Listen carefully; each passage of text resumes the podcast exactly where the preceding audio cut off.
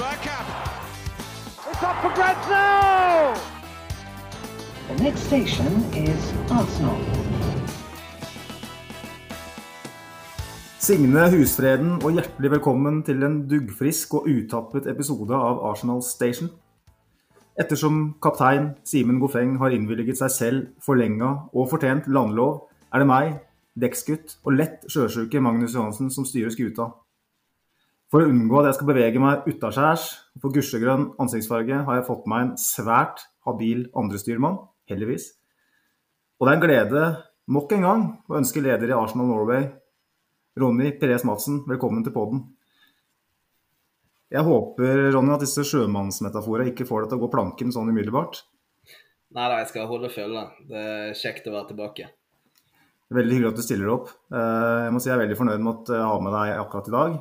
I, kraft, i kraft av din rolle som supporterleder. Vi skal bevege oss inn i så kaller det etisk høy sjø. Eh, Jeg tror alle vet hva jeg snakker om, dessverre. Men i tillegg til å pirke borti elefanten i rommet, så skal vi snakke om overgangsvinduet så langt. Og litt om hva vi mener bør skje, og litt om det som har skjedd. Vi skal kikke litt på terminlista, og synse litt om de innledende rundene. Men jeg tenker Ronny, at vi starter med det hyggeligste. Og det er jo supporterklubben. Jeg og Simen pleier å kjøre en eh, par-tre minutters intro hver episode hvor vi promoterer eh, supporterklubben i lys av samarbeidet vårt. Eh, Når vi har lederen i den supporterklubben, så, så tipper jeg vi har en som kan gjøre et bedre innsalg. Hvorfor skal de som hører på, melde seg inn? Det er en utrolig enkel grunn. da. Altså, Hvis du holder med Arsenal, så er det en veldig billig måte å, å støtte uh, Arsenal Norge på å være med. Det er 250 kroner i året. og Der får du billetter uh, til kampene, og du får jo et sosialt uh, nettverk eh, uten like. Eh, det å komme inn i, i, i en sånn greie, eh, som jeg kom inn i for en god del år siden, det har jo bare gjort at uh, man blir jo enda mer glad i London. Man blir enda mer glad i, i klubben. Uh, man kan reise alene til London, og likevel så treffer du gjerne 10-15-20 stykk som du Mm. henger med resten av helgen. Uh, det nettverket får du ikke hvis du bare drar til London alene og ikke kjenner til noen. Da er ikke det så enkelt å få innpass. Vi har jo årsmøte i London som skal arrangeres nå siste helgen i august. Um, de siste årene har jo vi hatt det møtet på Emirates Stadium. Uh, I år så får vi ikke lov til det pga. Arsenal har satt litt andre regler. Uh, de kan ikke ha årsmøte dagen før kamp, for de klarer ikke å håndtere det i forhold til eh, mannskap. Det kan jo ha litt med pandemien å gjøre, at de har nedbemannet viktig personell på gulvet. som gjør at de har for få folk på kampdag hvis de har et arrangement. Um, så det er jo litt kjedelig, da. Så årsmøtet i, i år det blir avholdt i London, men vi vet per nå ikke hvilken, ja, hvilket sted som kan holde det, da, men vi har noen forespørsler inne. Eh, Mm. Så vi se hva vi lander på. Ja, fordi arrangementene, da, håper si, uavhengig om det er på Emirates, så, så er jo det utrolig hyggelig. Jeg var jo med på det forrige nå på, på Emirates Stadium eh, i forbindelse med den eh, matchen mot Leeds. Da var det, var vel eh, rett og slett bare en fellestur. Bare og bare. Det var kjempehyggelig. og det kom en relativt kjent fyr innom. Så var det noen som tok et par glass for mye. Jeg skal ikke nevne navn. Det var kanskje meg. Men fram til det så var det i hvert fall en av de hyggeligste kveldene i det året her. Og jeg, jeg kjenner folk som var der som kanskje ikke har vært med på det før, og de, de snakker eh, veldig varmt om det. Eh, selv om du Jeg kjenner jo ganske mange, og det er åpenbart du òg. Men for de som da ikke har vært med på det før, så, så blir man veldig godt mottatt. Og vi har jo veldig mye å snakke om. Vi har jo noe til felles som gjør at eh, når vi er på jobb eller vi er i, i hverdagen eh, ellers, så klør vi etter å snakke om Arsenal med folk som har den samme lidenskapen. Mm. Og da være, være da i et rom eh, med opptil titalls, hundretalls folk som deler samme eh, lidenskap og snakker samme språk, det er en ganske spesiell opplevelse hvis man ikke har vært med på det før. Ja, det, det er helt klart. Og, den opplevelsen som vi fikk i, i, i mai mot Leeds uh, det, det, det å få Martin Ødegaard uh, altså under 24 timer før kamp til et arrangement for Arsenal Norge, Det er nesten litt unikt. For at det var ikke noe vi trodde vi kunne få til, men vi fikk en sånn heads up en måned før at kanskje we might do it. Uh, og vi fikk ikke noen bekreftelse før tre dager før vi reiste at he's coming. Uh, og da når vi fikk den, så ble det altså Du, du får en sånn her uh, gåsehudfølelse. Uh, mm. Nå får du faktisk treffe en av Norges beste fotballspillere. Uh, og han skal komme foran 100 norske supportere som ikke har noe peiling at han kommer. Uh, og Da får du liksom denne bonusen. Altså, Én ting er å reise over, én ting er å ha et møte der, ha et treff. Det, det, betyr masse for hele helgen. Men når du får denne prikken over i-en, få en legende eller få type Martin Ødegaard, det, det, det, er så bra, det. Det, får liksom denne, det er denne gleden av å kunne jobbe med, med vervet og styre, at vi faktisk får det til. Uh, mm. Ja, det er all mulig, all mulig honnør. Uh, jeg var jo en av de som ble veldig overraska, det må jeg bare si. Uh, når han troppa opp der med de glassa innabords og ble så frekk, så jeg pløyde meg frem og fikk et bilde òg. Men det, det, var Nei, det var rått, altså. Og jeg var jo med når Per Mertesaker var der òg. Det var det siste årsmøtet før pandemien i 2019. Eh, det var jo veldig veldig stort. En verdensmester og en Arsenal-ikon. For en fyr. Jeg har, jeg har, ikke vært ute for uh, bedre kar enn det. altså. Så jævla på bakken han er. Altså, Vi snakker verdensmester her. Vi mm. snakker mannen som reddet FA-cupseieren vår i 2017. Altså, Og så er han så rolig. Han er så mottakelig for uh, supporterne som er der. Um, jeg er imponert over Per Mertesaker og ja, det han gjør for klubben. Fint første møte med Arsenal, et Arsenal-ikon for de som ikke har vært borti det før. Uh, og Martin er jo en Han hadde jo ikke like god tid, men han er jo en veldig jordnær type. og han, han er veldig menneskelig. Da. Man ser det bare på hele den fyren at han, at han her han, han er en av oss. Han er ikke en sånn polert tatovert, uh, pierca stjerne som bare kikker en annen retning hvis det er noen som prøver å tilnærme seg. Og jeg vet jo det, Vi nevner jo Sivert Eriksen på den her hver gang, for at han klarer å gjøre seg aktuell eh, ja. i forskjellige anledninger. Men han har jo møtt Martin Ødegaard to ganger nå på Tjøme. Eh, han i butikken der. Så han møtte han en gang til òg, men da, var, da, da, turte han ikke å legge ut bilder, for han tenkte nå blir det for mye her. Men Martin tar seg tid til å slå av en prat og kjenner han igjen. og det det er ikke alle stjerner som er sånn, altså. Nei, det er ikke det. Det, det, det, jeg tror det er ganske unikt, uh, akkurat Martin Ødegaard, i den verden der. Uh, altså, du skal lete lenge etter en så stor stjerne som tar seg tid til dette. Altså, kan, kanskje det nærmeste du kommer, det er kanskje Johan Mata uh, når, han, når, han, var nå i United. Altså, det jeg har mm. sett av han, er helt ekstremt i forhold til det å, å tilnærme seg supporterne. men det er kanskje der Martin Ødegaard er Eh, også, i det, i det sjiktet der. Ja, Mata er vel den best likte fotballspilleren i verden, nesten. Eh, så det sier jo, sier jo, litt. Eh, jeg tenker vi kan gå litt videre. Vi har fått et spørsmål fra Stian Børling. Han er jo stadig vekk innom og kommenterer. Han var gjest faktisk òg for tre-fire episoder siden. Ja. Han spør ja, nå gir han oss veldig mye honnør, da, det må jeg jo si. Men eller meg og Simen, men eh, fra podden starta til nå, hvor mange nye medlemmer har Arsenal Norway fått inn, og hvor mange er vi? Nå har jeg lyst til å bare være så ydmyk og si at jeg tror ikke eh, vårt bidrag alene skal eh, ta æren for et hopp i medlemstall, men hvor mange er vi, da? det er veldig vanskelig å si hvor mange det har blitt etter vi inngikk samarbeid, men det, det går selvfølgelig an å finne ut av. Men det var litt sånn, jeg så spørsmålet i sted på Twitter, men det er for kort varsel, for der må jeg involvere Jostein. Uh, så han må sjekke fra dato til, til dato. Uh, men uh, per dags dato, da altså, For å minne folk på at under pandemien, så før pandemien så lå vi på 7300 medlemmer sånn stabilt. Jevnt over fra 2015 opp til, til, til, 2020 så lå vi på fra 7000 til 7300. Um, og så bikket vi kraftig under pandemien, og vi var nede i 5008. Mm. Uh, og da begynte jeg å få telefoner fra, fra TV 2. For Apple kjekke Tottenham-supportere som uh, mente at nå var de foran oss.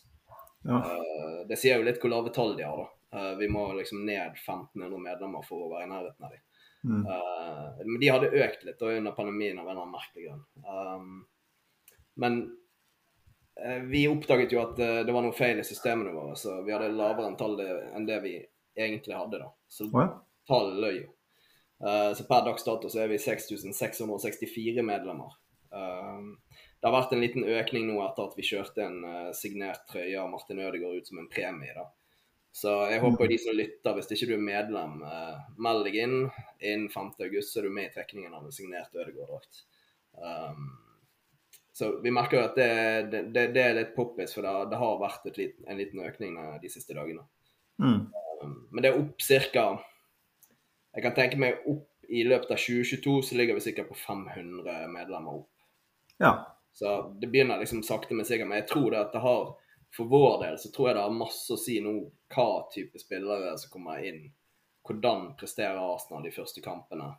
Eh, så ønskes eh, folk å reise over. Og en veldig grei måte å få tak i billetter på er jo via oss. Så Mm. vi tar ikke blodpris, for vi ligger egentlig ikke på noe. Vi ligger gjerne på en femtilapp for å håndtere billetten. Eh, og det Mm. er det. Så um, Ja, det er jo kjempebillig eh, når man ser hva slags priser som figurerer eh, via andre aktører. Mindre offisielle aktører. Ja, og det skal legges til det at både Premier League og Arsenal og alle Premier League-klubbene de jakter nå svartebørs. Så jeg tror det at du kan risikere etter hvert nå at du blir tatt for, for svartebørskjøp. Så For de vil ha det vekk, men det er ikke så lett. Men jeg vet, Nei. at de, jeg vet de pusher på. For svartebørs, altså, det er jo litt sånn interessant å definere det òg. For det er utrolig mange sider på nettet som utgir seg for å være eh, offisielle aktører, som tar Si bare fordi hjemmekampen mot Leeds, da, som vi var på, eh, når, når drømmen om Champions League levde, så betalte jo folk 3000-4000 for å se hjemmekamp mot Leeds. Det har vel aldri skjedd før i, i Emirates-æraen at, noen- at det har vært slike priser. og Jeg lurer jo litt på når man man skal definere svartebørs, da, for det er jo så utrolig mange billetter som, som ligger hos sånne aktører. Mm. så hvilke valg har man? da? Skal man straffe de som betaler gjennom nesen for å se en kamp de har lyst til å se for at de kanskje tilfeldigvis er i London, eller skal man straffe de som faktisk selger billettene? Det, eh, ja, jeg, jeg, har vært, eh, jeg har kjøpt billetter fra sånne sider sjøl, jeg vet, aner ikke om det, hvor offisielt det er. men jeg har kommet meg på kamp, da, og det, det, har, vært, det har vært alternativet. da. Vi snakker Mm. cupfinaler og sånn, selvfølgelig. Det hvor Ja. Fotballfamilien, som de kaller det, får 60-70% av setene og eh, sponsor. Og det er jo de folka her som bare selger billettene sine. Eh, Ja, så da, jeg forstår jo at folk kjøper svartebørsbilletter, gjør jo det. Klart det. Eh, det kjedelige er jo hvordan Arsenal har håndtert billettopplegget fram til nå. Da. Det er jo det at Du ser jo det at kampene som oftest er det masse ledige seter. Eh, problemet der har jo vært det at eh, folk selger ikke billetten sin videre. De er så giddeløse at de sitter med sesongkortet, gidder ikke gå på kamp, selger ikke billetten videre. Det har jo Arsenal ønsket å gjøre noe med, og i år så har jo de gjort den endringen. Nå krever jo de faktisk at du skal gå på et visst antall kamper. Hvis ikke du nå oppnår det antallet, så forsvinner sesongkortet ditt neste år. Så du er nødt til å selge videre billetten. Du er nødt til å gjøre noe aktivt. Så, og det tror jeg er bare positivt. Så, så straffer de samtidig bortesupporterne med at bortesupporterne får ikke disse bonusene som de har fått tidligere. For de vil ikke prioritere bortebilletter fordi de vet at de går på svartebørs. Der er det folk som eier mangfoldige billetter og bare selger de videre, og så tjener de poengene på borte. Og så får de Mm. cupfinalebilletter, og så får de Europaliga-finalebilletter. Det forsvinner jo vekk, for de som stiller på hjemmekampene, det er de som får fordelene av disse finalene. Så, Mm. så de går i hvert fall riktig vei, syns jeg, da, for det er bedre å fylle opp hjemmestadion. For bortestribunen, den får du fylt opp uansett, for det, du får maks 3000 billetter. Mm. Så, så jeg tror Arsenal har gjort noe riktig nå, da. Ja, definitivt. Um, og da er jo spør spørsmålet, da Ettersom ja, Nå får vi nå se da, hvordan overgangsvinduet fortoner seg, hva slags sesongstart vi får. Men hvis eh, prosess Ariteta, jeg hater ordet prosjekt, da sier jeg prosess. Eh, hvis, hvis den eh, fortsetter å ha vind i seilene, eh, og riften om billetter blir så heftig som den var, eh, da er det vel vanskelig for dere å dekke det behovet som, som blir her fra, fra Norge. Det er jo det er litt sånn, Vi må jo håpe at dere får problemer med å dekke det behovet. ja, ja, egentlig. Altså det, det, er jo det man ønsker, at man har et problem å dekke behovet. For at, uh, sånn som det har vært de siste årene, til og med før pandemien, uh, er jo det at vi har stort sett klart å gi til alle som har søkt. Det er veldig få som har fått nei. Uh, som ofte så blir det en toppkamp. Men du skal ikke mange sesongene tilbake til Hvis jeg tenker tilbake, nå har det gått noen år pga. pandemien. hvis vi jeg kan, kan, tenke meg tilbake til i 2019, så måtte vi sende tilbake billetter til, til Arsenal, for vi solgte ikke ut uh, United-billettene. Altså, så det er liksom veldig varierende hvordan det der slår ut. da. Men uh, jeg vet jo det at hvis Arsenal kommer til å gjøre altså Hvis denne her eh, prosessen, som du kaller det, da, Arteta-prosessen, hvis, hvis det funker sånn som Arsenal ønsker, og sånn som Arteta tror, uh, og at de kommer opp på det høye nivået som de, de, de forventer, da, så tror jeg det at vi kommer til å komme opp i en situasjon der vi får færre billetter av klubben. Uh, fordi at det blir veldig veldig populært å dra til Arsenal sine kamper.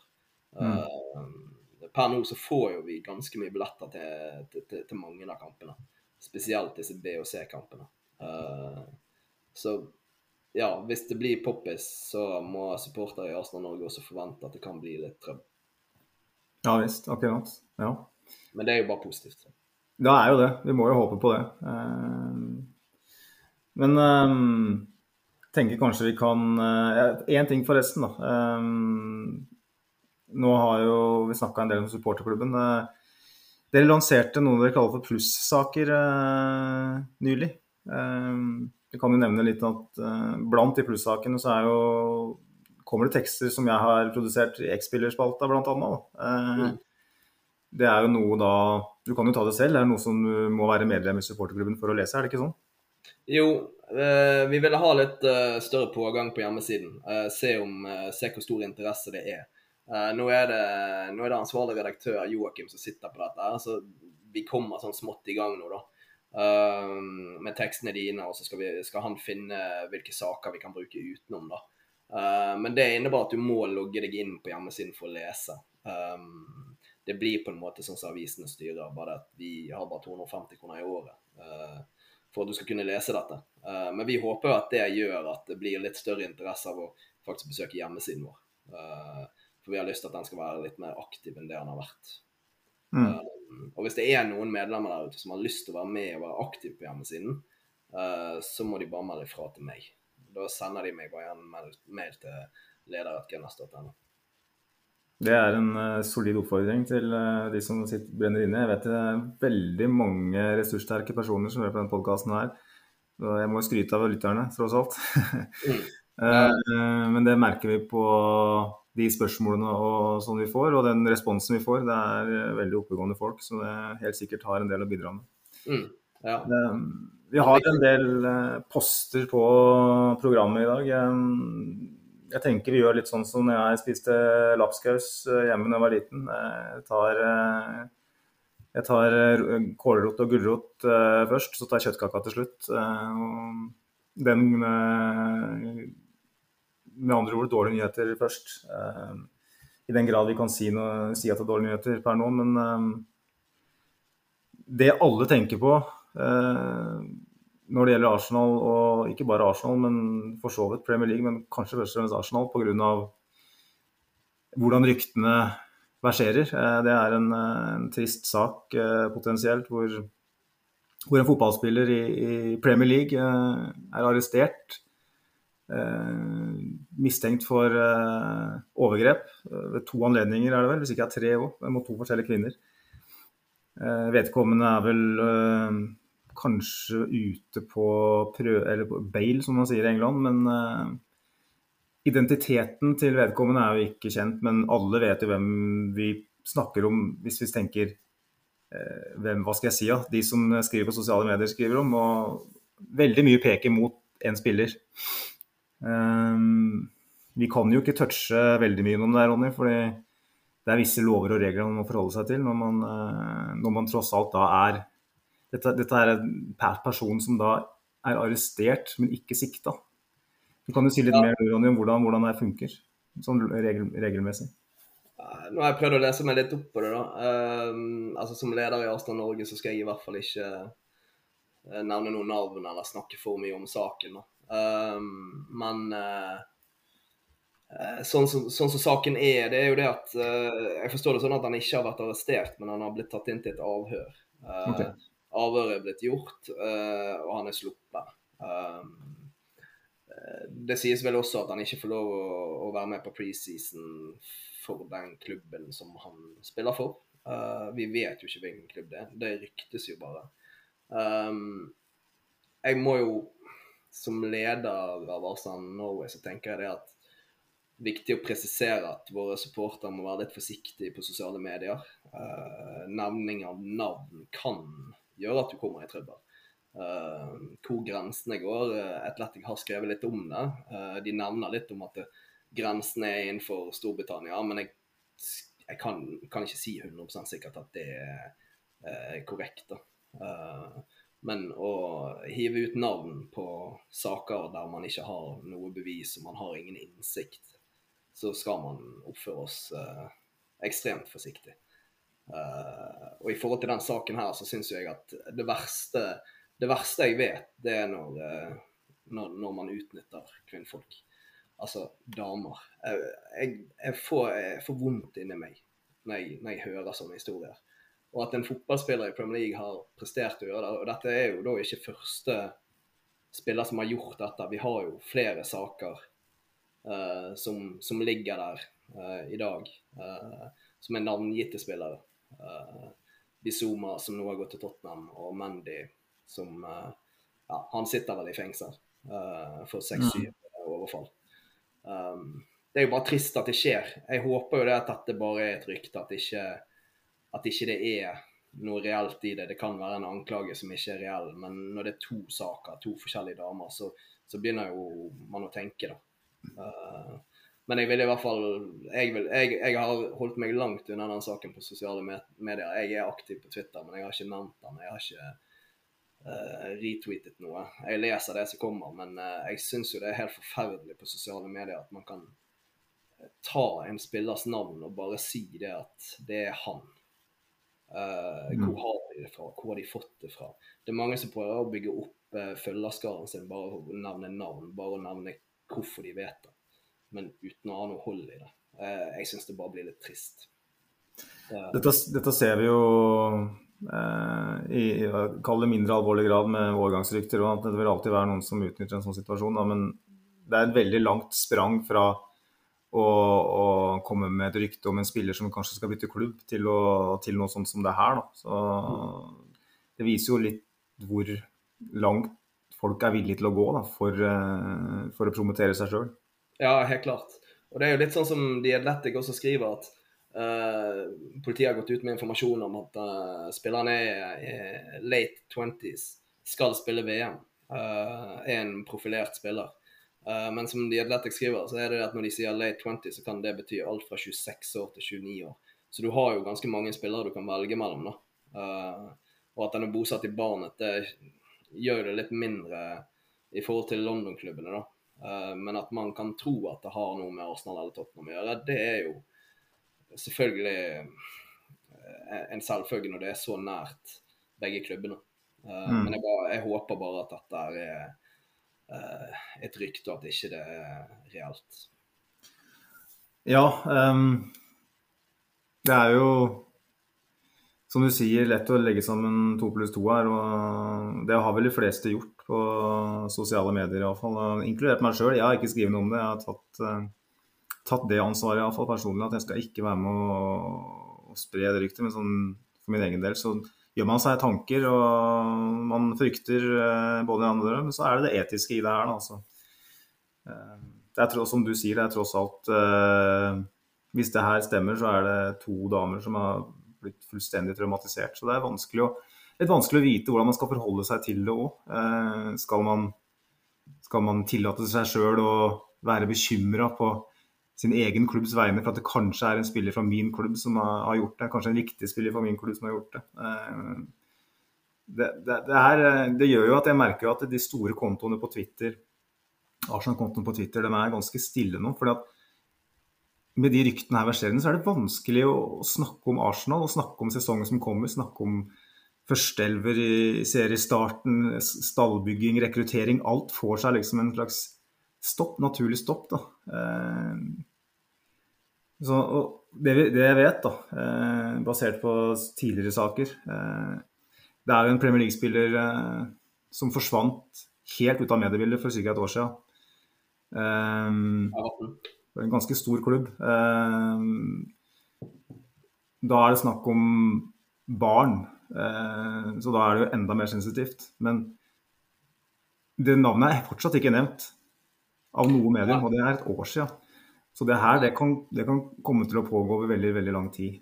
Eh, så jeg tror det er viktig at vi kanskje, Jeg vet ikke hva du tenker, men det er, det er viktig at vi supportere nå prøver å bare fokusere på preseason, fokuserer på Arsenal. For at det her, dette er ikke noe som nødvendigvis kommer til å blåse over i løpet av 14 dager. Det her kan være med oss i et års tid framover. Ja, da, her snakker jo de om at uh, altså Det som er så kjedelig, det er at vi får noen veldig veldig positive uker der man signerer uh, to spillere, og så smeller denne her i trynet på deg. Uh, der Arsenal-sporterne er egentlig på vei til å diskutere hvor god kan vi bli neste sesong.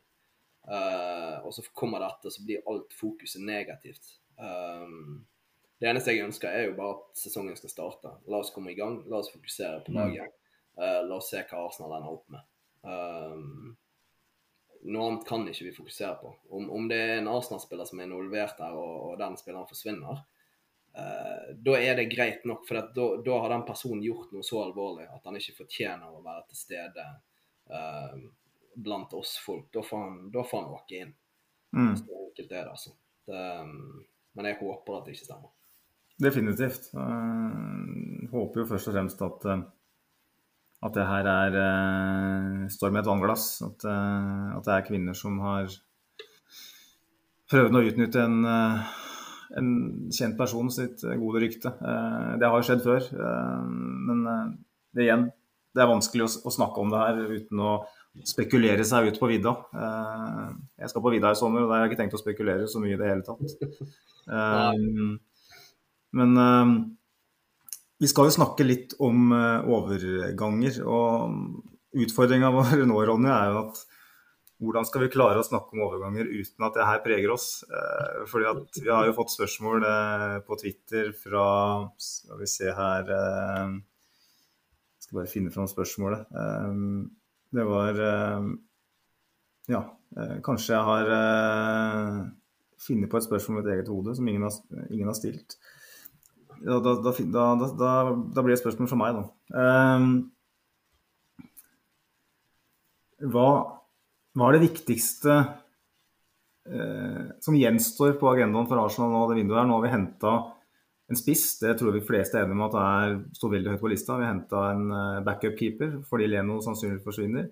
Vi har henta en, uh, en Fabio Vieira som helt sikkert vil bidra med, med bredde i stallen og, og sluttprodukt, ikke minst. Eh, og potensielt en spiller som kan bli veldig, veldig bra. Men vi har en del hull i, i stallen fortsatt. Eh, fortsatt litt hull, ja. Hvordan skal du klare å svare på det her, eh, Ronny?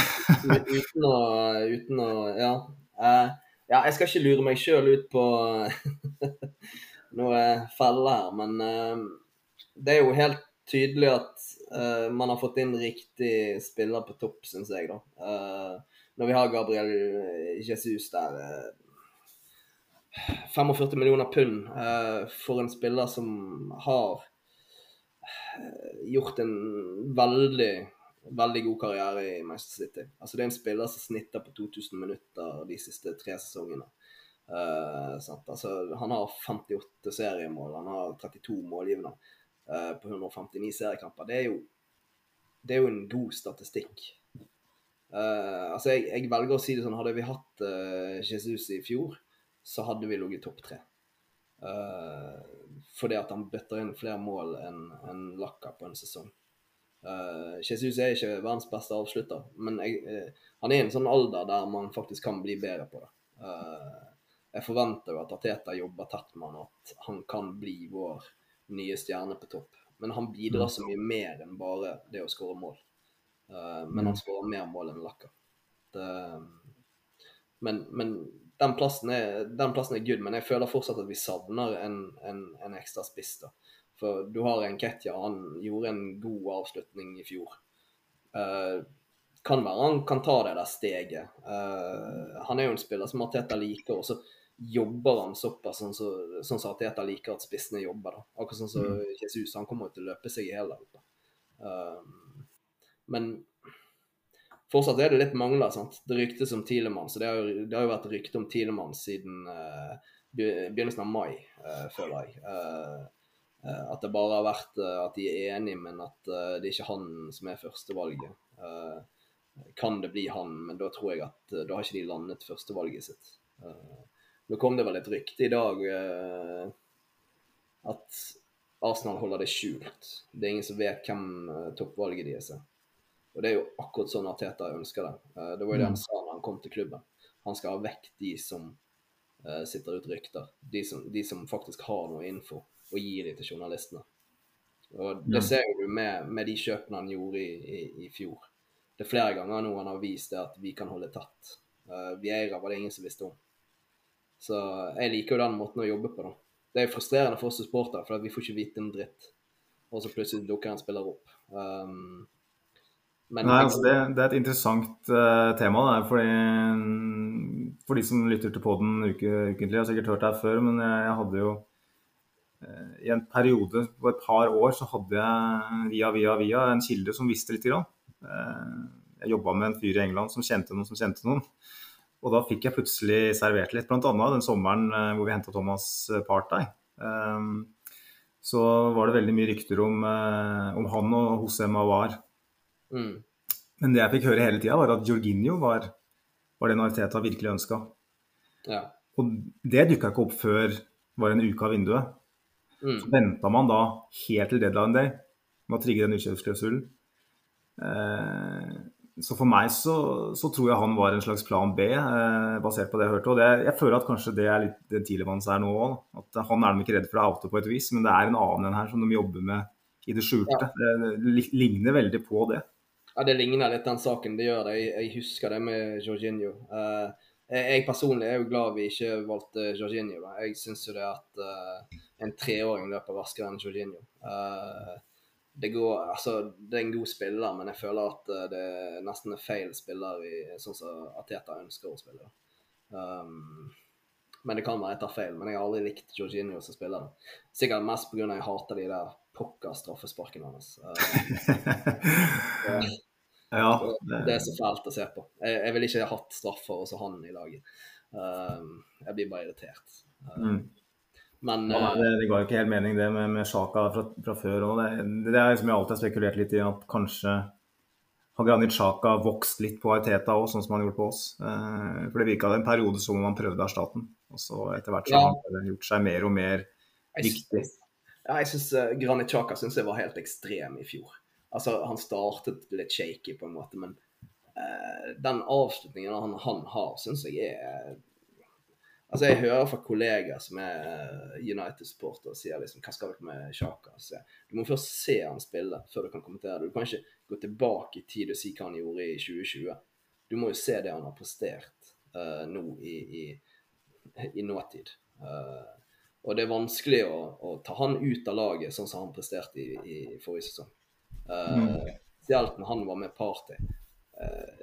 Da, vi tapte jo ikke fotballkamper vi, vi, var jo helt ekstremt pottetette bakover. Uh, og det tror jeg når han får den tryggheten med en veldig, veldig god makker, så er Sjaka god. Det er en grunn for at han er kaptein på det sveitsiske landslaget. Det er en grunn for at han blir plukket hver jævla gang. Han blir plukket mm. av hver eneste manager som er i Arsenal. Det, det, det er greit at vi sofaeksperter er eh, gode eksperter, men det konka ikke Arteta på treningsfeltet. Nei, det skal vi kanskje være glad for òg. Men eh, eh, vi snakker om midtbane, altså. Vi snakker om Tilemanns. Eh, det spørsmålet Jeg fikk et spørsmål her på, på Twitter fra Sebastian Ask. Han skriver litt roligere på ryktefronten de siste dagene, men hvem er nestemann dere tror kommer inn dørene på Emirates? Er det er det en midtbanespiller nå? Som, for, da kan du ta, ta med spørsmålet i stad. Hvem kommer først, og hva er viktigst? Jeg tror jo at midtbanen er viktigst, da. Uh, for du, du, er nødt til å ha Selv om du har uh, type Lokonga som, som uh, er kjempespennende, men jeg vet ikke om han slår til i år. Det kan være han bare løfter seg. Vanskelig å si. Men Tilemanns, som vi snakket om, kanskje et andrevalg. Kanskje han kommer, kanskje ikke. Uh, hva, hva, tilfører han laget? Uh, jeg, har, jeg, har, ikke sett han nok til å si at han er vanvittig god, men jeg tror han øker kvaliteten på, på troppen.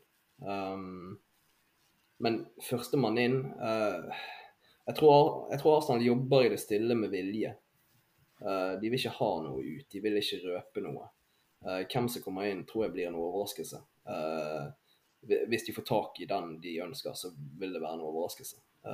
nå ryktes jo det at de har lagt inn bud på en ny Lill-ving. Um, ja, jeg så det. Altså, vi så jo PP YouTube-kompilasjonen. Det var jo fantastisk god. Det ser jo ut som han her Segrova også er en vanvittig god spiller på YouTube. Um, jeg har ikke sett han spille, så jeg kan ikke kommentere. Um, men jeg håper det at hvis vi kjøper en spiller fra Lill, så ønsker jeg at det blir en suksess denne gangen, da, hvis det er aktuelt. Um, men vi får se. Jeg, jeg tør ikke tippe hvem som kommer inn vi, vi, er jo linket til en annen Lill-spiller, Onana, um, på midtbanen. Det er jo også en Det er jo en sånn type moderne midtbanespiller. Uh, litt sånn Chouamendi, han som uh, signerte for Real Madrid. Altså, det er jo sånne typer som kommer opp nå uh, veldig ofte. Veldig disse afrikanske spillerne som spiller i Frankrike. Det er jo store, mm. solide fotballspillere. Så det er kanskje den veien Arteta også ønsker å gå. da. Ha litt uh, av de solide midtbaneankrene. Men, ja, for det er klart um, Han uh, godeste Onana uh, er jo ikke en, en åtter, da, for å si det sånn. Uh, vil jeg tro er ansett uh, som et alternativ på Sjaka uh, i den venstre uh, åtterrolla. Vi har vel egentlig snakka lenge om det, at vi trenger hvis vi skal spille 4-3-3, så er kanskje så nærmer vi oss kanskje et naturlig veiskille for eh, Arsenal og Granit Xhaka. Eh, spiller vi med to dypt, så er Granit Xhaka åpenbar, men i en sånn indreløperrolle så Han kommer på en måte ikke helt til sin rett. Han, han blir Det er ikke hans type rolle på banen. Så jeg er veldig, veldig spent på For det har vært spekulert litt i det òg, hvis vi henter Tilemanns, da. Eh, og vi fortsetter å spille 4-3-3. Eh, er Sjaka da altså, villig? Det er litt sånn vanskelig ord, for han vil selvfølgelig vil spille, men er han typen som da nærmest da aksepterer at han er et rotasjonsvalg, eller eh, er det da en, det er en så sterk personlighet at man kanskje bør vurdere å sende på dør og få, få litt for den da, mens det fortsatt er mulig. Nå er jo stjerna hans høyere enn han har vært på noe tidspunkt òg. og det er noe Arsenal må bli bedre på, selv mens spillere faktisk er i en kall det en litt god periode i Arsenal-karrieren sin. Ja. ja. det er jo det som er så vanskelig. Uh, nå har jo det funket. altså Siden desember uh, så har det funket uh, den, det, det, det spillemønsteret 4-2-3-1. altså Men om det, om det er der du skal bli stuck Altså, jeg tror ikke at Teta er den som skal kjøre safe han, han, har gjort det denne sesongen i flere kamper, for han spilte med samme laget veldig, veldig ofte. Uh, og spillerne ble sliten. Uh, og derfor bygger de stallene. Men om han skal gå over i en 4-3-3, gamble på det, da må jo du ha riktige typene. Og jeg tror ikke Sjaka er i nærheten av å spille i en 4-3-3. Uh, eh, for han blir så åpenlig svak i en sånn rolle. Mm. Temposvak. Uh, Altså, du vet jo hvordan han blir når han blir overmannet av to, to personer. Altså Kommer det to spillere på han, så er det tempoet og nesten litt sånn forvirring. For mm. Han har den der tryggheten, han har en partner ved siden av seg. Og da er han så ufattelig mye bedre. Um, men det er kanskje Han blir ikke solgt i år, men kanskje, de, kanskje, kanskje, han har en god sesong til, og så klarer de å få han ut neste sesong. Mm. Det er jo på tide å få solgt noen spillere også. Vi er jo veldig flinke til å gi vekk spillere. Det er vi veldig gode på. Eh, det må, vi, det må vi slutte med, bare for å si det. Men uh, Thomas Leirdal har et spørsmål angående det formasjonsmessige her. For det, det, er jo interessant med tanke på Sjaka sin, sin rolle. Altså, han spør ser dere, ser dere for at Arteta skifter til en 4-3-3, eller vil han fortsette med 4-2-3-1? Og det- Dette spørsmålet her blir jo litt lada da, med tanke på den saken vi omtalte så vidt i stad, uh, uten å gå noe nærmere inn på det. Det er vanskelig å svare på uh, per akkurat nå, kanskje. Uh, Ja, det er helt umulig å svare på, for hvis det er en spiller fra Arsenal som er involvert i denne saken vi snakket om, så vil jo det bety endringer i klubben. Eh, og det er den, det, det er vanskelig å ta på kort sikt. Altså, man vet ikke om man har den løsningen heller. Sant? Må han da skifte system? Han, hvem, hvem skal han bruke i, i eventuelt den posisjonen som forsvinner vekk? Eh, veldig vanskelig å si. Det, det, det vi vet, er jo at eh, 3-4-2-1 funket ikke, for det brukte jo han fram til desember i fjor. Uh, det, det funket jo ikke.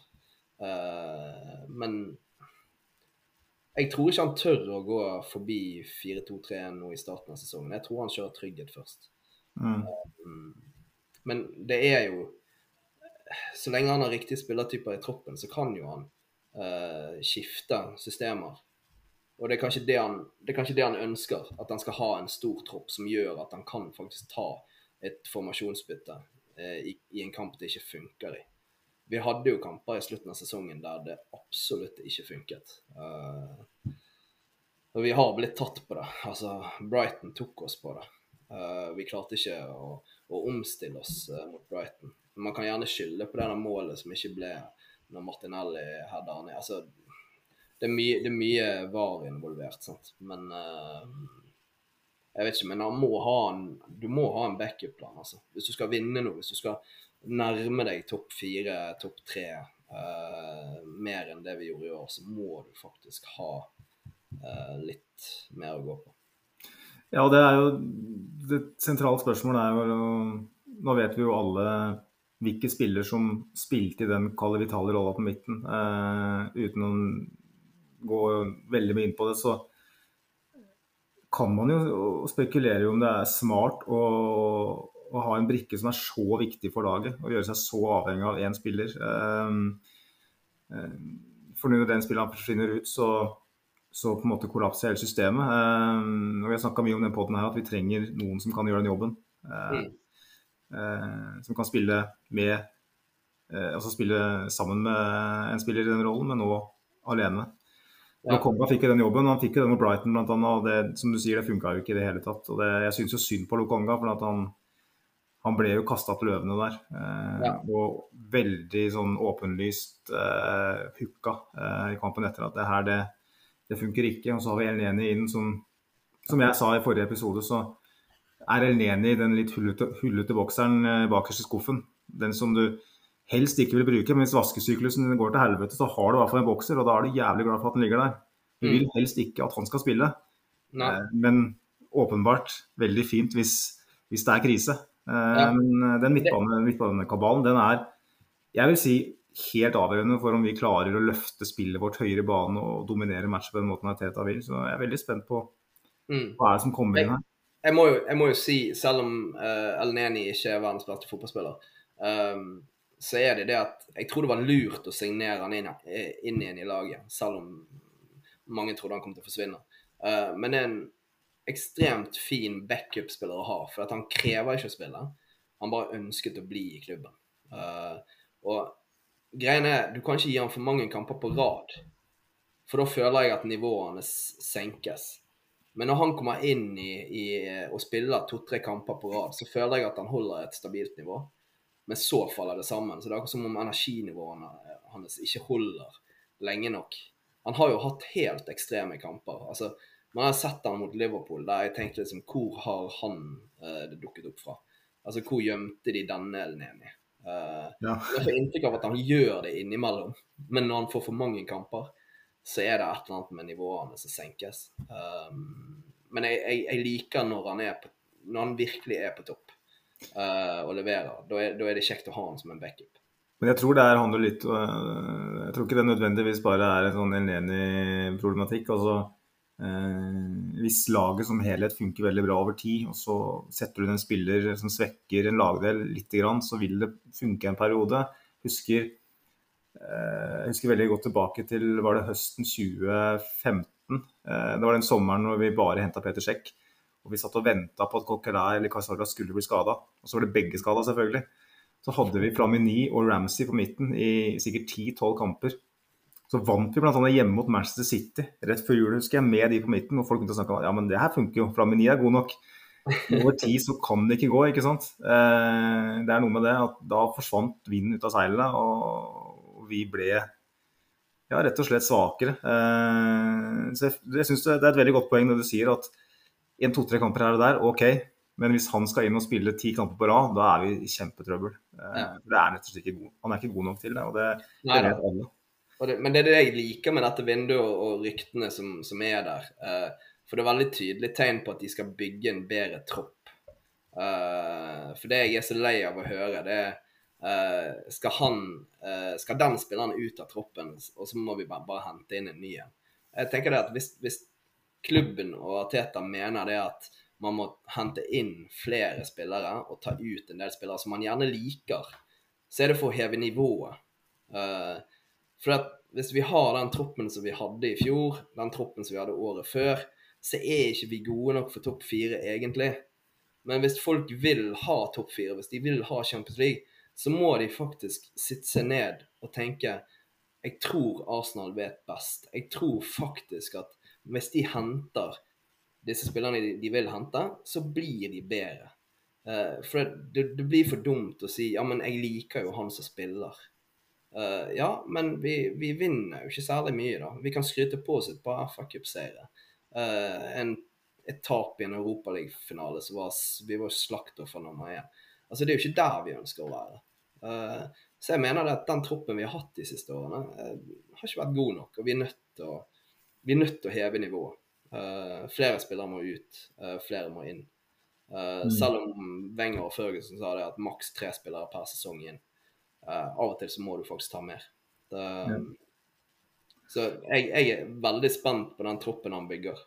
Og nå er jo det hans tropp. Så det er ingen unnskyldning i forhold til å prestere, da. Men det tar jo tid.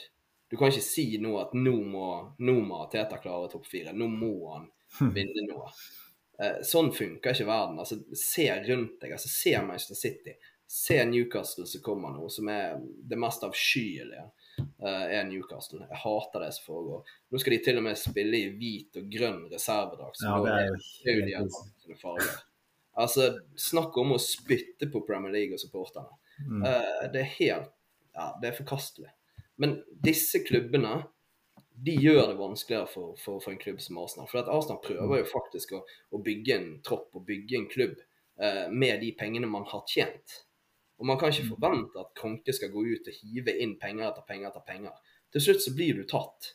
For det er ikke City som blir tatt, det er ikke Newcastle som blir tatt av Financial Fair Play. Det er klubbene som driver ærlig, og så plutselig så gjør de én uh, feil, så det, da blir du tatt. Uh, sant? uh, så jeg, jeg støtter måten vi drifter på. Jeg har vært stor kronkemotstander i, i mange, mange år. Men man ser jo nå antydningene til at de jobber godt inn mot klubben. Eh, det har vært brukt penger, og Kronke har støttet med penger. Så jeg tror at det er sånn Jeg tror vi sakte, men sikkert nærmer oss de andre lagene. Men det tar litt tid. Vi må være litt heldige med de spillerne vi, vi kjøper, og vi, vi må være heldige med de, med de vi utvikler. Og det ser jo vi nå at vi har Saka, vi har Smith-Roe, vi har Martinelli. Altså Det er så mange gode spillere som kommer opp fra egen tropp. Mm. Tenk deg de om Altså, de tar gjerne et lite hakk opp nå denne sesongen som kommer. Jeg bare gleder meg til å se den utviklingen. Uh, og jeg tror det at vi, vi kan få det veldig gøy denne sesongen. Ja.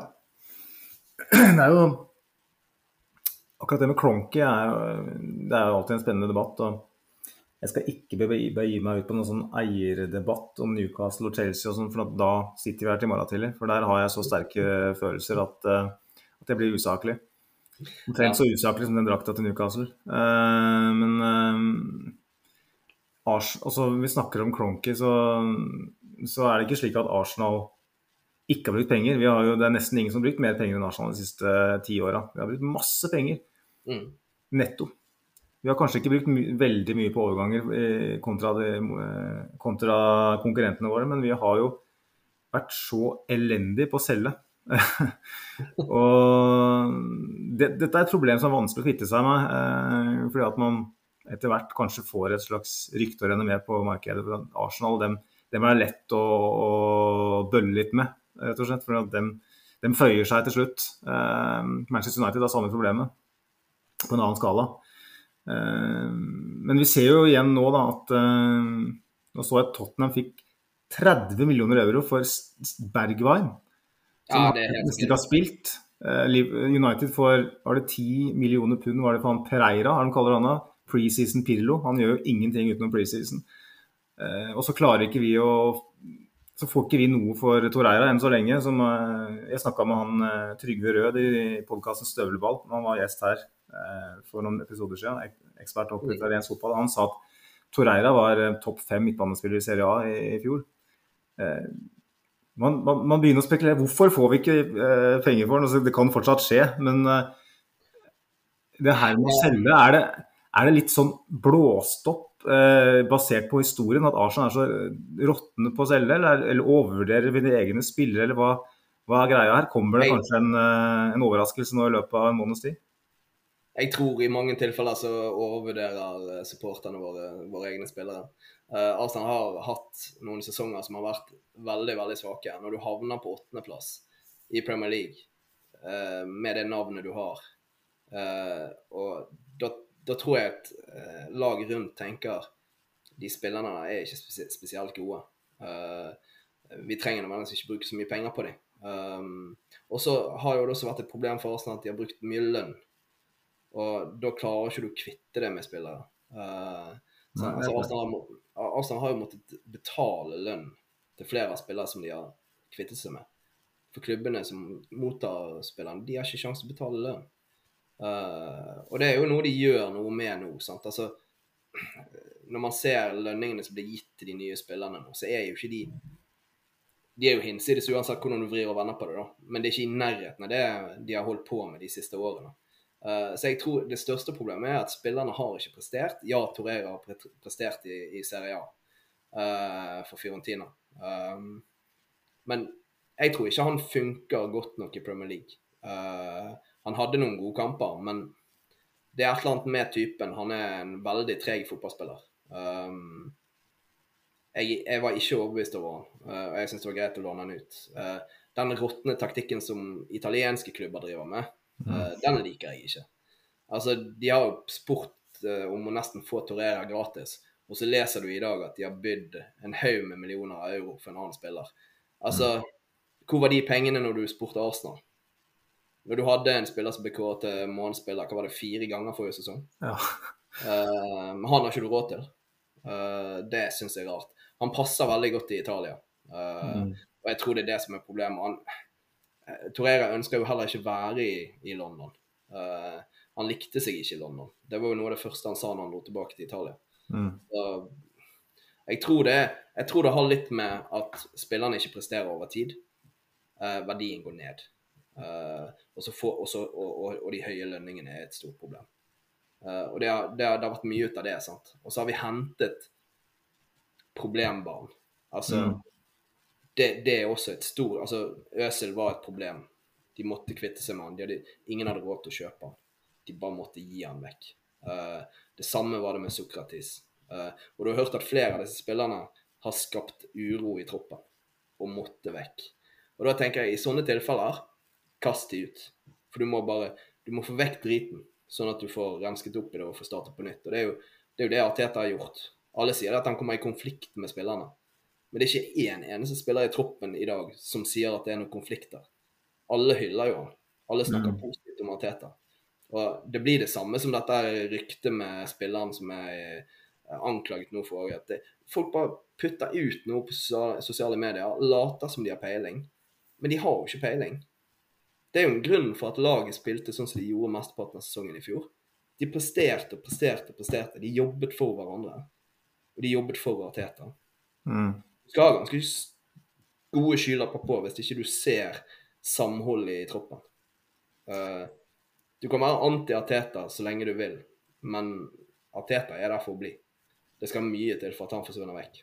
Ja, det er et kjempepoeng det der med, med det narrativet rundt Arteta. At han på en måte er ute etter å skape konflikter og gjerne går etter de største stjernene. og sånn. Hvis du ser hva Øzil holdt på med etter han gikk fra Arsenal Han ble jo forsøkt kastet ut av Fenerbahçe nå, og han ble, han ble, kastet ut av det tyske landslaget. Jeg vet at det var en sak der med rasismeanklager og litt sånn, og for all del, så man skal være litt forsiktig med å uttale seg om det, kanskje. Men det er et tydelig mønster med han. Mm. Han kom på kamp med Emry, han kom på kamp med Jungberg, han kom på kamp med Arteta. Jeg elsker Øzil, han er en av mine favorittspillere. Jeg sitter her med Øzil-drakt nå. Ja, fantastisk. Men uh, typen, uh, spesielt mot slutten av karrieren, har vært ganske håpløs. gjør Aubameyang kom på kamp med Dortmund òg, du må huske det. Han trente med, han, han trente med Dembélé-drakt, var det ikke da? Et sånt bur nede i Tyskland mens Dortmund spilte kamp for å presse gjennom overgangen til Arsenal. Han er ikke mors beste barn, han heller, eh, selv om han er veldig sympatisk på sitt vis. Eh, mm.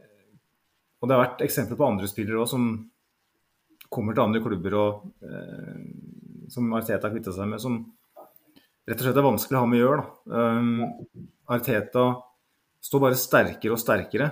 Um, og så har ikke han fått en veldig enkel jobb i Arsenal. Det har vært så utrolig mye som, rart som har skjedd.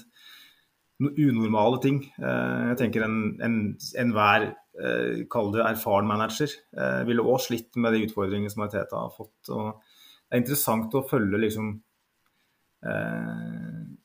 det narrativet som blir skrevet hele tida. Det er noen som ikke klarer å slutte. Eh, og liksom Som ikke klarer å kvitte seg med den derre Når man har bestemt seg for noe, liksom. Og sånn er det. Og Arteta må sannsynligvis vinne Premier League for at de skal være fornøyd. Og på et eller annet tidspunkt, som mange sier, jeg syns det er et godt uh, sitat, på et eller annet tidspunkt så kommer de til å få rett. For på et eller annet tidspunkt så kommer sannsynligvis Arteta til å få sparken. Mm. Om han da vinner ligaen en gang, så er det sånn Ja, men vi fikk rett. Han var ikke rett mann. Eh, for det er ingen manager lenger som går frivillig snart. Det, det skjer jo ikke. Så... Nei, det gjør jo ikke det. Også, men så er jo ikke det en folkerett å vinne noe heller, da. Altså, gå nå til, gå nå til de andre klubbene. Gå til Tottenham. og Hva har de vunnet? Altså, i, i, min levetid så har jo Tottenham vunnet et par ting. Eh, du kan ikke forvente Ja, de er en eh, i gåsetegn storklubb, da.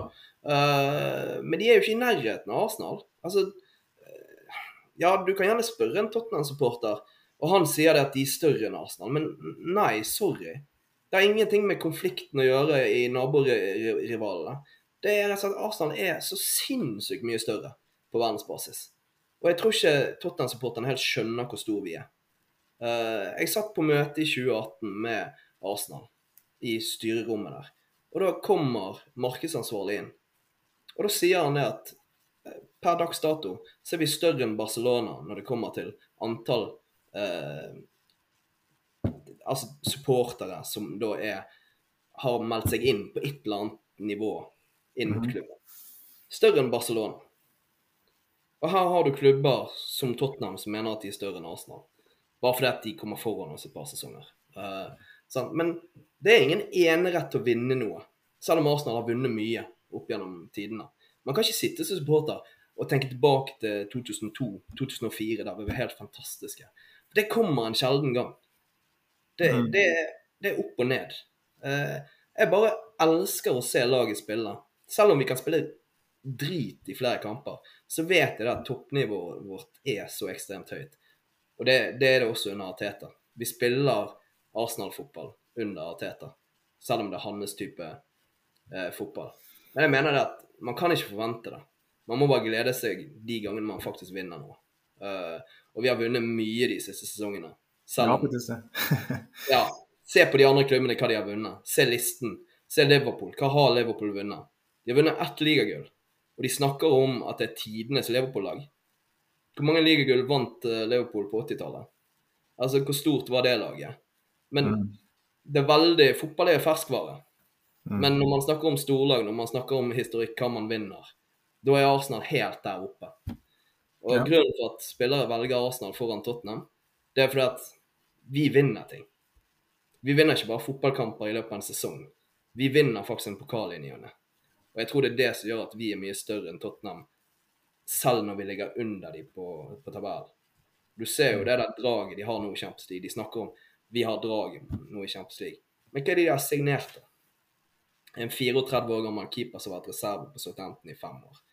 De henter Perisic, som vi så på som for gammel for tre år siden. Eh, som presterer to-tre kamper i sesongen. Eh, du henter da Lenglet, som er reserve i Barcelona. Og Barcelona var ikke spesielt god i fjor. Og, har, og Lenglet har sjelden vært god. Men det er det draget de har i Champions League. Så henter vi Gabriel Jesus. Altså, de henter Richarlison. Hva er det, da? Du har jo tre mann på topp som ruller mer enn de står. Ja, Den, eh, den angrepsrekka den blir vond å se på. Ja, den blir vond å se på. Uh, så jeg tenker det. Folk må puste litt med magen. Uh, jeg tror at vi er på riktig vei. Uh, og vi er nærmere å vinne noe enn Tottenham. Ja, jeg håper du har rett. Jeg, jeg, er jo av de som tenker at Tottenham kommer til å ha en god sesong nå, bare i kraft av at de har Conte. De har noen angripere som er i sin beste alder og er, altså, de er rett og slett helt sinnssykt gode, selv om de er ufyselige. Uh, jeg tror Tottenham kommer til å ha en god sesong, men så tror jeg òg at Tottenham kommer til å stå tilbake innen ett et eller to år med en aldrende stall, uh, hvor det er masse eh, opprydning som må gjøres. Men Conte som har skapt masse slitasje. Og, Conte ikke. Nettopp. Og da, da, må de begynne på nytt. Mm. jeg, tror, jeg, tror, Tottenham fort kan havne foran Arsenal neste, neste sesong som kommer, men jeg tror det blir siste òg eh, på en stund. Da tror jeg vi altså, Det er vanskelig å forskuttere, men jeg, jeg, tror vi er godt posisjonert. Og som du sier, det er noe, er ikke noe rett uh, å vinne noe som helst. Uh, det viktigste nå er at vi tar det neste steget. Og så får vi bare Hvis vi får flere poeng, skårer flere mål, spiller bedre fotball, ser utvikling på de spillerne vi har, ser en stor progresjon i angrepsspillet, og fortsatt blir nummer fem med si 73 poeng, da må vi bare holde kjeft og si at vi er på rett vei. Eh, og det, det tror jeg de fleste, heldigvis. Jeg tror vi skal være ganske edruelige der og, og, skryte av Arsenal-fansen nå. For de fleste jeg snakker med, er ganske positive. Eh, at jeg sitter nå på Twitter og melder litt og får flere likes og retweets, det, det er kanskje med på å danne et litt feil bilde av, av Arsenal-supportere. Jeg syns jeg, jeg synes Blant våre egne òg så er det noen som sier at, ja, Arsenal-fans er, er dårlig, at vi er dårlige fans. Jeg, jeg, er så jævlig uenig i det. Jeg, vi er veldig bra fans. Vi har tross alt levd med en uttalt ambisjon fra klubben sier at vi skal være med og kjempe helt til toppen. og Vi har ligget bak og vi har ligget bak blitt med åtte. Og så får vi en liten oppsving med unge spillere, og plutselig så har vi den beste bortefansen i, i ligaen. Mm. Jeg syns vi har kjempegode fans. Jeg. Ja, og, og, og, for de som, eh, både du og meg som opplevde Emirates forrige sesong. Uh, det kom jo ut uh, nå etter pandemien, så gikk jo Arsenal ut, i hvert fall til oss supporterklubber, og skrøt av supporterne i forhold til det som foregikk på, på Emirates. så før jeg reiste over i, i Jeg fikk oppleve Leicester tidligere i år, før den Leeds-kampen vi var på. Da fikk jeg oppleve det Arsenal snakket om. Det livet som skjer på Emirates nå. Det, det har vært stille på Emirates i mange, mange år. Uh, der man har lite synging, lite støtte. Man får det på storkampene. Man har fått det i Champions League-kampene og avgjørende kamper, men ikke i alle seriekampene. Men det man merker nå, da, det er at det er trykk i hver forbanna kamp. I mm. alle kampene de spiller på hjemmebane, så er det noen som trykker på. Uh, og det fikk jeg oppleve mot Leicester. Jeg opplevde det mot Leeds, jeg opplevde mot Everton det er et helt annet trykk nå enn det var før. Uh, om dette, som Arsenal sier, en del supportere har forsvunnet vekk i pandemien. Uh, mye eldre supportere som dessverre forsvant hen uh, pga. covid. Men det har jo invitert yngre garde inn. sant? Så du merker jo det på enkelte steder i, i tribunen før kamp, så er det et jækla liv.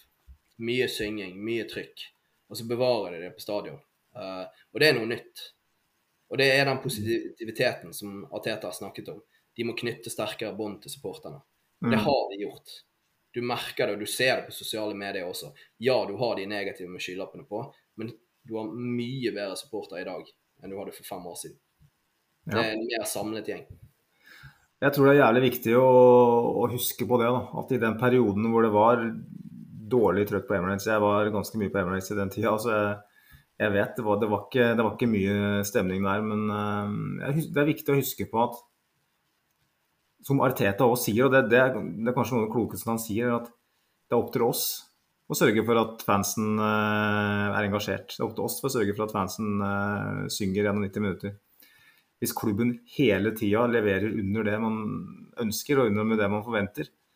Og man i tillegg, jeg må jo si jeg, Wenger er jo en gud for oss, for oss alle. I hvert fall de som var, var med å oppleve den gullalderen under Wenger. Så kommer alltid han til å være en gud i våre øyne. Men han var jo en fyr som Han jobba ikke så jævlig hardt for at fansen skulle være om bord når, når, ting gikk imot. Hvis man konfronterte med det, så var det sånn at Nei, det, det vil han helst ikke snakke så mye om. Eh, Arteta har åpenbart skjønt noe her, da. Eh, jeg skal ikke sette Ariteta over Wenger, men akkurat på, akkurat på, det punktet her så er Ariteta kjempesterk. Og Emry var jo heller ikke i stand til noe sånt. Hvis man ser Klopp da i Liverpool, så ja, Anfield og Flommelys og Champions League, det er, det er, noe spesielt med det, åpenbart. Men mm. hadde Klopp kommet til Arsenal i, i, 2016, så hadde det vært fullstendig kok på Emirates òg. Uh, ja, det tror jeg. Så det, det, har, det har alt, alt handler om hvem er det som leder klubben? Eh, hvordan leverer vi i forhold til forventninger? Hva slags forhold er det mellom spilleren og fansen? Alle sånne ting. Og vi må være ærlige på det at Arsenal var som litt sur melk og stått litt for lenge i kjøleskapet. Eh, folk så at ja, den melka kan vi drikke. Den er bedre enn 14-15 av de andre melkekartongene som står i, den, i det kjøleskapet her. Men vi har stått på den hylla her nå og surna i år etter år etter år, og da skjer det noe med engasjementet. Det blir mm. kjedelig. Mm. Og det har på en måte vært med å forme eh, et slags narrativ rundt Arsenal-supportere om at vi er dårlige fans, at vi er utakknemlige og alt det greiene der. Men det er bare piss. Bare vent til eh, Og det, nå har vi fått eh, beviset på det. Bare vent til, vent til vi får servert håp. Tro mm. at vi faktisk kan bevege oss fra den posisjonen vi er i, og oppover, og ikke bare være i én posisjon og se oss nedover på tabellen. Nå, kan, nå vet vi aldri hvordan det kommer til å gå, men nå er det et håp. Og det er det, det, er det vi, vi, er Hope junkies, var det en som sa en podkast hørte på om dagen. Jeg syns det er et fint begrep. For at det er det vi er. Vi ja, det, lever på håp. Det er et veldig godt ord. Altså, jeg må jo, jeg må jo si det at uh, når vi nå gikk gjennom den sesongen vi hadde, som var uh, Som egentlig var veldig positiv, selv om man ender negativt. Uh, altså, Jeg satt jo sjøl og, og, skrev lederen i, i, i TGP i, i, fjor høst. Og uh, det var før man signerte Ramsdale, Tamayasu. Uh, jeg bare sa at eneste håpet vårt er egentlig å toppe åtte. Uh, og at vi havner på femte, det er ufattelig godt gjort. At vi ikke får den fjerdeplassen, det er litt uhell. Litt urutine. Du har et ungt lag. Det unge laget er ikke en unnskyldning, egentlig. men det er litt stang ut på slutten. Mm. Men at vi gjør det denne sesongen her, Normalt sett så ville jeg vært i kjelleren pga. femteplassen bak Tottenham. Men når sesongen var over, så tenkte jeg bare jeg skulle ønske neste sesong begynner i morgen. Altså, ja, ikke sant? jeg føler liksom at vi er i gang, vi er på vei, håpet er der. Så Hope Junkie, det, det, det, er en, det er en rett en, altså. Det, jeg, jeg, skulle ønske serien begynner i morgen, men han gjør ikke det. Uh, jeg hater å vente. Jeg gleder meg så vanvittig, selv om det er Pelles. Altså, Palace borte blir vanskelig. Men det er jo, et, eh, det er jo en fin eh, Segway til eh, det siste punktet på programmet. Nå har jeg brukt store deler av kvelden, Ronny, men jeg har én ting til jeg har lyst til å snakke om, og det er nettopp det med terminlista. For den kom jo nå for to-tre uker siden, og der fikk vi jo åpenbart servert Palace i fleisen. Borte. Fredag, flomlys. Eh, spøkelser fra Brentford kommer og holder over oss. Men eh, hvis man ser ja? Alle, alle, alles øyne på det unge, skjøre Arsenal-laget. Vi har jo, Det narrativet er skrevet. Gary Neville kommer sikkert til å ha stjerner i øya og alt sånt. Men eh, hvis man ser på de første fem kampene da, denne sesongen her For Palace borte er åpenbart vanskelig, men allikevel, det er jo ikke City det her. Det er ikke Liverpool. Og så har vi Leicester hjemme, kampen etter. Bournemouth, nyopprykka, borte. Fulham, nyopprykka, hjemme. Aston Villa, eh, masse nye signeringer. Eh, kommer til å bruke tid til å sette seg hjemme. Før vi har United borte nå. Eh, de fem første kampene her eh, Hvor lenge er det siden du så Nå har jeg ikke sittet og nilest eh, terminlister fra siste åra, men Jeg føler at det er en stund siden vi har, fått en så snill start. Ja, for vi har alltid møtt et topplag ganske tidlig. Altså, uh, selv om du møter United i sjette kampen, så er det relativt seint. Um, vi har alltid hatt en sånn her type Liverpool City uh, veldig tidlig. Um, så uh, letteste kampen i første seks er sikkert United borte, da. Men Så vi får se. Men uh, altså, jeg tenker Pelles borte. Det, det jeg fryktet mest av alt, da, uh, det var det at vi havnet på Nottingham borte i første seriekamp. Det tror jeg hadde vært det, det ultimate mare- marerittet vårt. Uh, heldigvis ikke. Pelles borte, det, det er et Premier League-lag. Altså, de, har, de, de har vært der noen år nå. Vi vet hva som kommer. Vi kjenner litt Vieira fra forrige sesong. Vi vet hva de kommer med. Jeg tror ikke det endrer seg. Men det eneste er at det vi opplevde i fjor når vi taper 3-0 mot Pelles borte, en kamp som vi er rimelig crappy, altså. Eh, men også en kamp der vi fint kunne skåret tre mål. Eh, men det var det eneste vi skapte, da. Eh, men jeg tror det at det kan bli en kanonkamp å se på for nøytrale. For jeg tror det at Pelles kommer til å prøve seg, men samtidig så tror jeg at Ateta vil, vil teste seg også i forhold til å angripe på en annen måte enn han gjorde forrige sesong. Mm. Uh, elsker jo fredagskamper. Altså, jeg vet uh, engelskmennene hater det. Uh, jeg elsker det. det er en god anledning for å ta seg noen øl og, og slappe av med gode kompiser. Um, jeg tror det at uh, Jeg er veldig spent på han. Jeg tror vi vinner. Jeg tror vi vinner fordi at spillerne er så forbanna på det som skjedde forrige sesong. De ønsker virkelig å prestere. Så jeg tror vi tar Palace i første. Men det er et Det går ikke an å si at det er et lett program i Premier League, for alle kamper er vanskelig. Spesielt bortekampene er vanskelig. Men altså, du kunne ikke bedt om veldig mye snillere program enn det Arsenal har fått. Nei, og det, det er jo også På en måte så er det jo en kjempefordel, ikke sant? men på en annen måte så er det jo litt press òg. For at du vet at når du har en så enkel start, hvis du da snubler gjen- gjentatte ganger, så, så vil du ha kniven på strupen veldig tidlig i sesongen når det kommer United bort når vi har Tottenham, er det vel to-tre runder etter det igjen nå. Så det er jo liksom sånn derre overgangsvinduet Det, eh, det er jo åpent eh, Er det i de fem kampene, faktisk? Før det ja, det er åpent hele, alle de fem kampene. Så det må jo være Altså, I fjor så var det en del formildende omstendigheter i den Brentford-kampen. Det var covid-tilfeller og sånn der. Men samtidig, det er, ikke, det er ikke utypisk Arsenal å ikke være helt klare til sesongstart. Eh, det må være lov å si. Eh, og hvis man noen gang skal være klar til en sesongstart, for, så må det være nå. For du vet jo det at hvis du får en kjempestart, så du vinner fem strake, da. Mm. Momentum i fotball, det er undervurdert. Flyt. Ja. Eh, altså Når man først havner på en sånn medgangsbølge, så er det utrolig hvor langt det kan ta deg med en så talentfull tropp som det Arsenal tross alt har, og forhåpentligvis får eh, når vi er ferdig med, med businessen. Så jeg, jeg, må, jeg må jo bare si at jeg tror jo at Teta eh, er Altså Jeg tror han står og heller kaldt vann i grillen til eh, Edu Gaspar ganske, ganske ofte nå for å få, få ting gjort. Eh, hva tenker du om den eh, sesongstarten her? Er det, alle sier det der med to, at alle spiller mot hverandre to ganger, og tross alt så er det det som betyr noe. Hvor, hva kan det bety da å ha en sånn sesongstart? Jeg bare tenker det, altså, jeg tror jo det, altså I forhold til overganger, i forhold til å, å være på plass, så tror jeg at Ateta ønsket troppen klar uh, egentlig innen uh, denne uken. Men det har ikke de klart. Um, jeg håper det at de har alt de trenger før første kamp. Um, men som sagt, jeg, jeg tror fakt jeg har tro på tre poeng i den kampen her. Uh, jeg tror at får vi en god start Det største problemet får vi en dårlig start med de kampene der, da er vi i trøbbel. Mm. Um, for at du kan bare spole fram til oktober. Da kommer driten. Da skal du ha Tottenham, uh, Liverpool, Leeds og City de fire første kampene i oktober.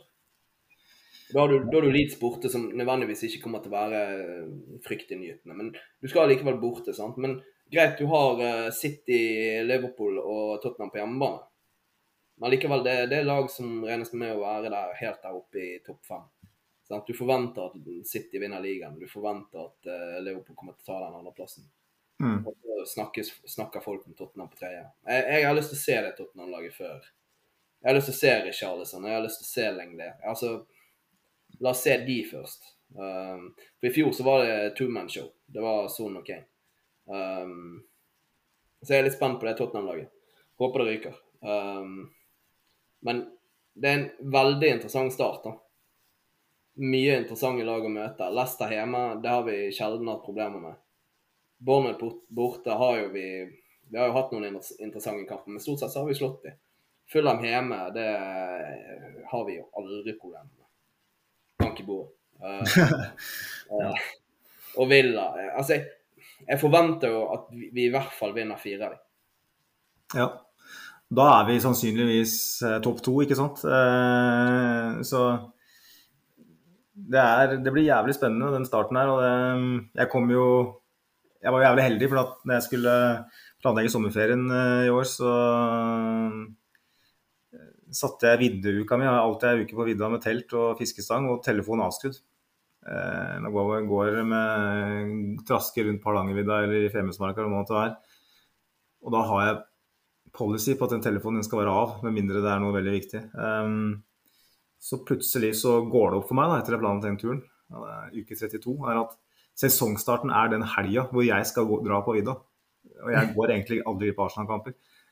Så tok jeg en telefon til FA, så fikk den til å sette den Paradise-kampen på, på, fredag. Da, for jeg reiser på lørdag morgen. det var, så det kan takke meg for det. Men det var gris, griseflaks. Så jeg går ikke glipp av den kampen. Da, men uh, det her det blir, det blir virkelig en heftig start. Og det er bare er det fire uker til. Eh, det er helt utrolig. Det, det, det, det er knappe fire der, altså. Eh, tiden går fort, eh, og om et par uker så blir det gøy. Håper jeg. Mm. Det er i hvert fall, jeg, jeg tror i hvert fall vi står foran en veldig spennende sesong, uavhengig av hva som skjer med enkelte saker. Um, jeg er veldig spent på den troppen. Jeg er veldig spent på de spillerne som, som allerede er der, uh, og de som kommer. Um, for vi er ikke ferdig handlet, det er helt sikkert. Det er helt sikkert. Det ble jo, jeg må jo si det her, eh, det var nesten terapi det, Ronny. For nå har jeg sittet og vært litt deppa i to-tre dager uh, med den der elefanten i rommet som vi snakka om. og Kanskje har vi gått så mange runder rundt grøtfat at vi har blitt svimle. For nå er tankene mine, tankene mine, et helt annet sted. Nå gleder jeg meg til sesongstart, faktisk. Så det her, det hjalp. Um, ja, det er godt å høre. Jeg tenker vi kan uh, avslutte her, uh, Ronny. Uh, for en gangs skyld holde oss under halvannen time i den poden her. Kanskje er det Simen som er problemet, uh, hvis du hører på Simen. ja, ja, men det, det, det, er alltid hyggelig å bli invitert. og det er alltid Alltid hyggelig å snakke Arsenal, uavhengig om det blir halvannen time eller tre timer. Du vet at vi kan snakke Arsenal sikkert i 24 timer, men da tror jeg ja, ja. blir jævla lei. Så... Jeg har sinnssykt mange poenger jeg har lyst til å ta opp her, men uh, det, det, kommer flere episoder. Uh, Simen han, uh, han, er jo ikke med i dag, men det som er litt fint, er at han bidrar likevel. Han er ja, hva skal jeg si, ja, Han uh, gjør ekstraordinær innsats uh, for podkasten. Jeg vil takke ham for det. Han skal uh, redigere denne episoden i morgen og legge den ut for oss. Han er på hytta uten nettilgang, men han har fått uh, snakka med et hotell i nærheten. Okay. og fått lova rom der med nett. så en shout-out til Strand hotell i Vrådal, som har satt et rom til disposisjon, sånn at Simen kan sitte og, redigere denne episoden her. Så folk får eh, servert den her rundt uh, lunsjtid i morgen. Det, det, er stort, altså. Så, Veldig bra. Når dere hører på det her, så er jo allerede episoden ute. Også, men uh, da, da, håper jeg at, uh, at, vi har klart å Spesielt med Ronny, som har vært en veldig god andrestyrmann. Ikke gikk planken tidlig. Han fiksa sånn at forhåpentligvis de som har hørt på, har klart å få tankene sine tilbake til det sportslige. Eh, for det trenger vi nå. Det er bare noen små uker til sesongstart, og vi, skal være like investert i Arsenal som vi alltid har vært. Eh, eh, vi er jo tilbake etter hvert, jeg og Simen. Sannsynligvis så blir det vel en halvannen uke tid til. Det blir en sånn type rytme nå i sommermånedene. Eh, vi ferierer, vi har andre ting som skjer. Det skjer ikke så mye tross alt. Det er ikke kamper. Eh, det er noen preseason-matcher og sånn. Å snakke en og en halv time om Arsenal og Nürnberg, det skal vi ikke gjøre. Um, den spilles jo da i dag, fredag, for de som hører på. Eh, men eh, vi skal være her, og vi skal dekke det viktigste. og Gå inn på sosiale medier og følge oss der på uh, Arsenal på Twitter. Eh, på, Arsenal, nei, på, Facebook så er det bare å søke oss opp eh, på Arsenal Station Pod. og enda viktigere, gå inn og følg Gunners Norge på, på, på Twitter. Kom dere inn i supporterklubben og meld dere inn i Facebook-sida der. Kom dere inn på gunners.no. Les plussaker, les andre artikler, gå inn på forumet, diskuter. Det er det er et miljø og et fellesskap her som, eh, som, er mulig å ta del i. Og med det så tenker jeg at eh, jeg takker deg, Ronny, for at du nok en gang stiller opp. Det setter jeg veldig pris på. Ja, det er som sagt alltid hyggelig. Uh, og jeg ønsker jo alltid å preke om Arsenal. Så, jeg setter enorm pris på det gode samarbeidet vi har startet. Og jeg håper det at på sikt at vi kan få skapt litt, uh, litt uh, prominente gjester. det har vi snakket litt om, og vi, jeg tenker litt. Og jeg har forespurt litt nå de siste månedene uten napp, da. Men jeg tror vi kommer dit. Jeg tror vi klarer å få, få på plass noe. Men jeg vil bare nevne sånn avslutningsvis så kommer supporterklubben også til å prøve å ha noen sånne her tilfeldige møter i, i, Norge òg. håpet er at vi kan få til noen sånne lokale treff der vi gjerne bare tar en fotballkamp en lørdag og, og noen quiz-opplegg på pub. Eh, rett og slett bare dukker opp. Og da, da, da, melder vi det et par dager i forveien. Og så, så, kommer de fra styret som har tid og mulighet, og så håper vi at eh, medlemmer kommer, og at gjerne supportere som ikke er medlemmer, er til stede og ønsker å bli medlemmer. Mm. Ja, det er kjempe, kjempefint eh, opplegg. Jeg var jo Arsenal-miljøet er jo stort i Norge, men samtidig ikke så stort. Det er ikke sånn at alle har en, en kompis i, i, sin krets som er like engasjert. Jeg var, var jo i den situasjonen sjøl, så jeg måtte jo reise til Oslo for å liksom ta del i arrangementet der. Eh, for det skjedde jo ikke noe her lokalt på Hedmarken. Så det, jeg tenker fordi hvis det blir Det er jo fine lokale tiltak. Du har Arsenal Kristiansand, Arsenal Bergen. Ehm, det må jo være en oppfordring til de som holder til hva skal jeg si, ja, for langt unna Oslo til å ta seg en eh, ettermiddagstur eller helgetur. Så ta initiativ og start en lokal klubb som er tilknytta supporterklubben på et vis. Da. Det er jo mm. ja, Det må du svare på, da, men også det, det, å, det å, samles eh, og møte folk som er like engasjert. For det er forskjell på hver eh, person som ser en kamp i ny og ny, og en som nesten svetter og blør Arsenal, sånn som mange av oss gjør. Eh, det, vi er mange av men det er bare det at Norge er litt sånn distriktsbasert. sånn at eh, det er mange som sitter eh, litt for seg sjøl. Jeg har vært der sjøl, så mm. det er et veldig fint tiltak. Ja, jeg vil virkelig anbefale dette med lokale treff. Nå har vi en god del småsteder som, som har lokale treff. Sant? Og du har både Stavanger-Gona, du har uh, Arsenal Bergen, du har uh, Kristiansand. Uh, der Stian er involvert. sant? så det er jo mange som gjør tiltak og gjør gode ting for å samle supporterne. Mm. Så håpet er jo det at vi kan bli større og få flere med oss. jo større vi blir, jo enklere er det for oss å arrangere ting lokalt også. Uh, vi vil alltid ønske å ha et arrangement i, i London, for det, det, er tross alt Arsenal vi holder med. Um, så vi ønsker jo alltid å ha ett uh, et arrangement der borte per sesong. Um, mm. Men vi tenker jo tanken at vi må ha noe lokalt også, for at, uh, nå er det sånn at vi er jo her for nordmenn i, i hovedsak, og det er flere som gjerne ikke har råd til å reise over og oppleve noe. Så på sikt så håper jeg at vi får til flere lokale treff i løpet av en sesong der folk føler det at uh, de kommer inn i et miljø som, som bidrar også lokalt. Mm. Jeg tror det er et kjempefin eh, punkt å avslutte. Da, hvis, da har du satt griller i hodet på, på flere. Så håper vi hvis det er noen som lar seg inspirere, så gi gjerne tilbakemelding. For da, da ser vi at det funker. Um. Igjen tusen uh, takk, Ronny. Uh, vi ses uh, og høres både på podden og i England og kanskje til og med Oslo. Så, eller Bergen. Vi får se. Men inntil videre så lykke til med resten av preseason og overgangsvinduet si, før Palace, og så høres vi da. Det gjør vi. Hyggelig. Yes. Da sier jeg bare ha det, ha det, hei. Hei da.